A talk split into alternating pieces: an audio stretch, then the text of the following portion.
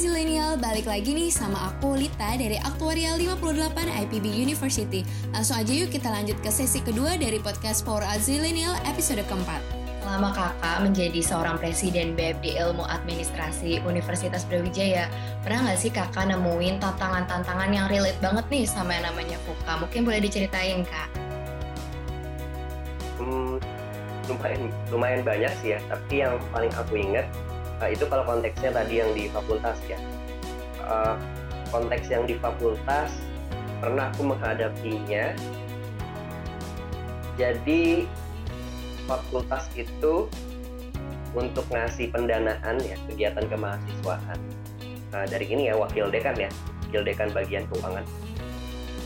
Nggak pernah uh, stabil. Aku nggak suka kayak gitu. Jadi kayak misalnya gini, kita datang ya uh, ke apa dekanat gitu ngajuin proposal yang tercetus oleh uh, ini ya pihak uh, fakultas ketika nge-review proposalnya udah segini aja ya uh, pendanaannya. Jadi misalnya dicoret ya anggaran dicoret bagian yang uh, apa totalnya ini aja ya yang di segini aja ya di situ aku menerjemahkannya adalah ini uh, kok pertimbangannya tuh nggak kayak nggak ada template-nya ya? Pertimbangannya tuh kayak uh, yaudah sesuai mood aja gitu. Aku nggak suka tuh pekerjaan-pekerjaan orang yang kayak gitu. Harus ada template ya kan? Jadi karena menghadapi situasi itu dan dapat keluhan juga ya dari teman-teman uh, himpunan dari teman-teman uh, UKM juga gitu kan.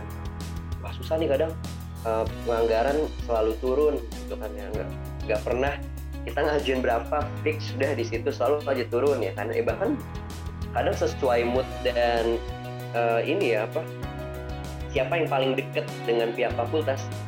Kalau deket nanti kan akhirnya ya udah dapetnya gede lah gitu ya. itu bukan hal yang tabu sebenarnya gitu ya. Bukan hal yang tabu dan aku nggak suka sih praktik-praktik kayak gitu nah akhirnya kritik besar aku aku seneng konfrontasi ya kalau untuk hal kayak gitu. Aku coba kumpulin uh, setiap himpunan ya uh, dan juga UKM uh, BEM fakultas uh, kita coba fasilitasin nih untuk nanti ketemu dengan pihak fakultasnya langsung ya. jadi aku dan teman-teman di BEM uh, ngadain inilah kayak semacam forum besar gitu. Kita sepakatin. Sebenarnya anggaran fakultas tuh untuk kegiatan kemahasiswaan ada berapa? Kita harus tahu totalnya. Total pagupnya tuh berapa? Persentase untuk setiap uh, organisasi kemahasiswaan tuh berapa segala macam diukurnya gimana segala macam gitu.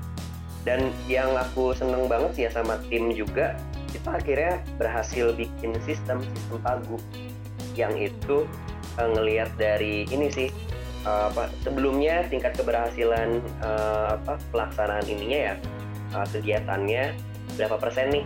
Target-target itu tercapai. Kalau misalnya terpenuhi dengan baik ya udah berarti ke depan bisa dapat uh, tambahan budget gitu. Jadi incremental lah gitu ya. Kan lebih enak kayak gitu ya jadi lebih sehat kan? Dan kita tahu kita dipatok berapa sih untuk tahun akhirnya manajemen keuangan organisasi jadi lebih baik juga kan? Nah itu untuk di fakultas. Kalau untuk di universitas uh, jadi Universitas Brawijaya tuh menasbihkan diri sebagai kampus yang inklusif ke difabel gitu ya, ke mahasiswa difabel. Nah, tantangannya uh, kalau mengacu ke Undang-Undang Nomor 8 Tahun 2016 tentang disabilitas, ada pasal yang uh, ini ya menyebutkan setiap kegiatan peribadatan harus ada penerjemah bahasa isyarat. Kayak gitu. Itu harus ada ya. Nah sementara di uh, kampusku saat itu mau itu dari teman-teman kerohanian Kristen Katolik gitu ya Islam Buddha Hindu nggak ada. Terus difasilitasin penerjemah bahasa isyarat. Masjid kampus gitu ya itu juga nggak ada penerjemah bahasa isyarat. Teman-teman bayangin teman-teman bayangin kita coba uh, berempati gitu ya. Gimana rasanya jadi uh, teman-teman difabel tuli yang sekian puluh tahun hidup dan jadi mahasiswa ya? Uh, misalnya kalau dia uh, muslim dia gimana caranya dapat hidayah gitu ya? Ketika mendengarkan khotbah Jumat. Sama halnya dengan kalau teman-teman kita difabel tuli yang protestan maupun katolik ya gimana caranya dia dapat hidayah dari nyanyian kudus ya? Ketika lagi beribadah di gereja misalnya. Kan dia tuli gimana coba? Itu kan tantangan ya? Itu hal yang hal yang mungkin sebelumnya belum pernah terjadi sama sekali gitu ya. Belum pernah kebayang undang-undangnya ada. Tapi pas di pelaksanaannya oh ya juga ya. Ini kita belum pernah uh, mikirin. Ini kan berarti hal yang ambigu kan? Kayak gitu itu yang coba uh, didorong banget pas aku dan ini ya uh, dengan teman-teman dari BEM Brawijaya. Kita coba dorong itu ke rektorat ya kan? Memang belum berhasil saat itu. Akhirnya dendamnya aku uh, aku coba jalanin di skripsi gitu. Desember 2018 uh, amanah di uh, BEM itu selesai. Habis itu aku lanjut skripsian. Skripsi yang aku angkat itu topiknya tentang uh, permodelan kebijakan inklusif di Brawijaya. Jadi skripsiku nih kayak ngasih rekomendasi buat Brawijaya. Ini loh kalau uh, kebijakan yang inklusif buat kampus tuh kurang lebih kayak gitu. Uh, metodenya kualitatif gitu ya. Sebenarnya agak mix dengan kuantitatif ya jadi uh, di saat aku mau seminar proposal gitu ya aku tuh ngajuin eh, orang-orang yang akan aku interview itu cuma tiga doang. Ya gitu cuma ada tiga aslinya. Tapi eh, nggak uh, tahu kenapa di saat seminar proposal tuh ada yang nanya gitu ada yang nyeletuk uh, Mas Fauzan mau berapa nih uh, nanti untuk interview orang-orangnya? Kayaknya kalau tiga uh, agak kurang deh kayak gitu. Belum terlalu komprehensif. Oh ya saya akan interview seluruh dekan-dekan rektorat akan saya interview itu spontan banget tuh impulsif banget ngejawabnya. Itu bener-bener. Nah uh, setelah dipikir-pikir aduh siap gak ya? Tapi udahlah siap lah karena udah nemu alasannya kan udah nemu why-nya nih kayak gitu. Udah jalan aja. Dan semua dekan-dekan uh, berhasil diinterview uh, dari apa mahasiswa difabelnya juga dan rektorat juga udah berhasil diinterview. Ada salah satu dekan ya yang unik banget gitu. Jadi dia uh, beliau bilang gini, uh, kita nggak menerima untuk mahasiswa difabel gitu. Kita nggak menerima karena emang nggak memungkinkan untuk di fakultas kita. Nanti agak susah buat dia sendiri proses belajar mengajarnya. Oke, terus saya tanya, Pak, uh, mohon maaf, uh, kalau misalnya saya boleh tanya, misal amit-amit tapi ya terjadi di semester 2 atau semester 3 misalnya mahasiswa dari fakultas ini mengalami kecelakaan dan fisiknya ya akhirnya uh, udah nggak mumpuni lagi kayak gitu itu berarti kebijakan dari fakultas bakal seperti apa pak? Oh itu belum pernah belum pernah kita pikirkan tuh. Berarti kan itu kan ambigu ya, ya kan? belum pernah terpikirkan sama kita berarti kan setiap dari kita tuh berpotensi jadi difabel kan nah aku ngerasa di situ akhirnya ini momen buat mengedukasi diri sendiri dan juga semua orang yang ada di Brawijaya sih sebenarnya gitu. Uh, walhasil memang nggak langsung ya saat itu mendapatkan hasil baiknya. Oke aku selesai skripsi di bulan September startnya dari Maret 2020 ya. Eh sorry Maret 2019 selesai di September 2019 uh, dapetin hasilnya tuh tahun depannya di 2020 jadi uh, aku dikabarin juniorku kalau di Brawijaya akhirnya udah ada penerjemah bahasa isyarat di masjidnya. Tapi belum puas juga sih karena kan untuk di teman-teman UKM kerohanian ini ya uh, Kristen uh, terus juga Katolik Hindu Buddha tuh belum difasilitasin banget. Tapi who knows sih aku nggak tahu nih kalau sekarang update-nya gimana. Dan yang cukup uh, bikin seneng juga gitu ya uh, dikontak sama dekan uh, salah satu dekan fakultas gitu ya uh, mas apa kabar? Kayak gitu. Oh udah lulus ya by the way. Selamat.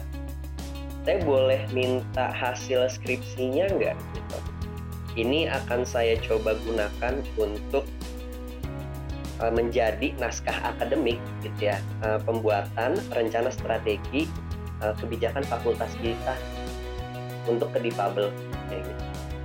Jadi skripsi saya mau dijadiin naskah akademiknya satu hal itu luas sih gitu ya. Oh, akhirnya terjawabnya saat ini gitu ya.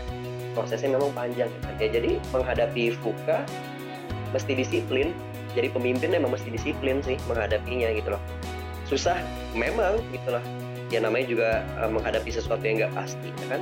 Tapi ya disiplin jalanin aja dengan core ilmu kita. Hasilnya who knows kita dapatnya kapan? Gak ada yang tahu gitu.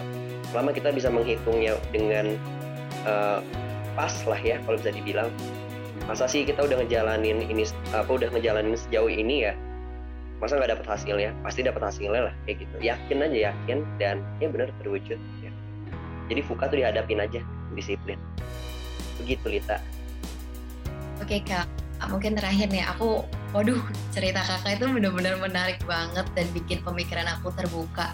Kok kakak berani sih kepikiran buat kayak make a move yang pertama tadi yang tentang masalah keuangan dan juga disabilitas. Kayak kok kakak nggak takut kalau misalnya dijudge sama lingkungan kakak atau kayak insecure dari diri kakak? Itu gimana cara kakak mengatasinya? Akhirnya berhasil nih buat kayak melakukan sebuah curi start atau sesuatu yang baru gitu kak.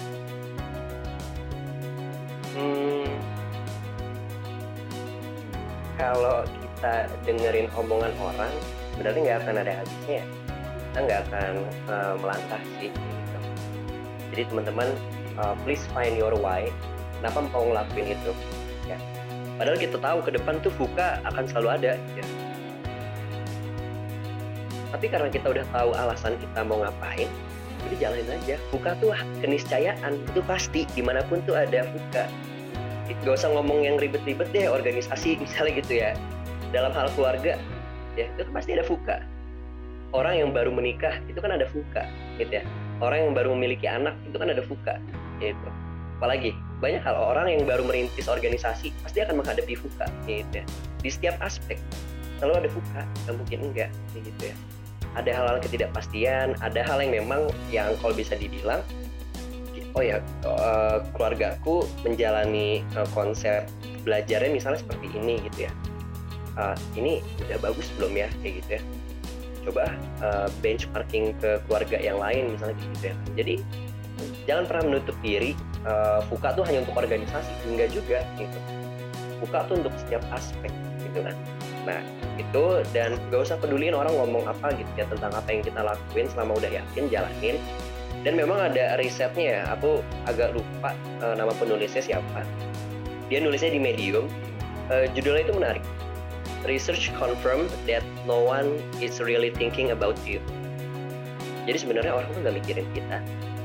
Kitanya aja yang kadang mikirin uh, seolah-olah oh, orang nih ngomongin kita segala macam gitu.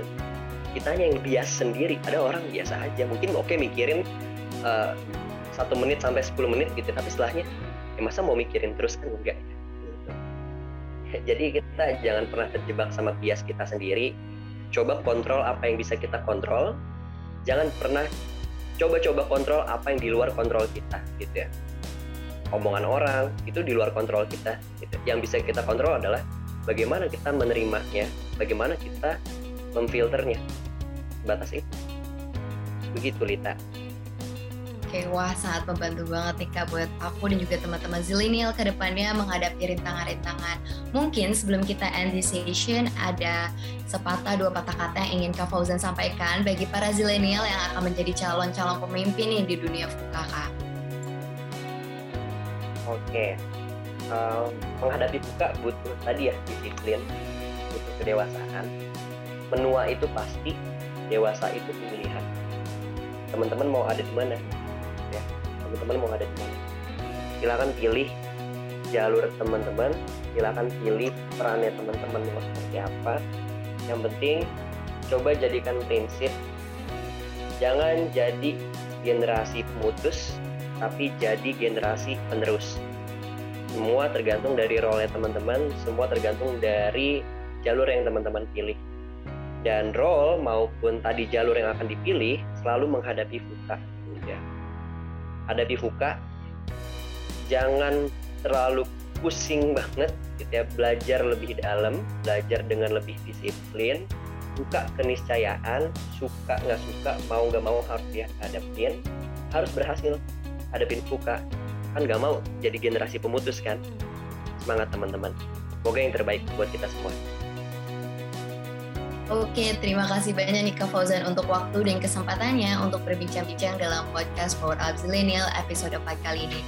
Semoga yang sudah kakak sampaikan dapat menginspirasi semua zillennial dan tentunya buat mereka dan juga aku sendiri menjadi lebih prepare dalam menghadapi dunia future ke depannya. Oke zillennial, tidak terasa ya sudah selesai sesi podcast kali ini dan aku harus undur diri. Semoga kalian mendapatkan insight baru dan tentunya semakin yakin dan siap untuk menjadi seorang pemimpin di dunia future. In the end, I would like to say being a leader is not always have to be a president of organization or project, but if your action inspire others to dream more, learn more, do more, and become more, you are a leader. Terima kasih Zilenial yang sudah mendengarkan podcast kali ini. Sampai jumpa di podcast Zilenial berikutnya.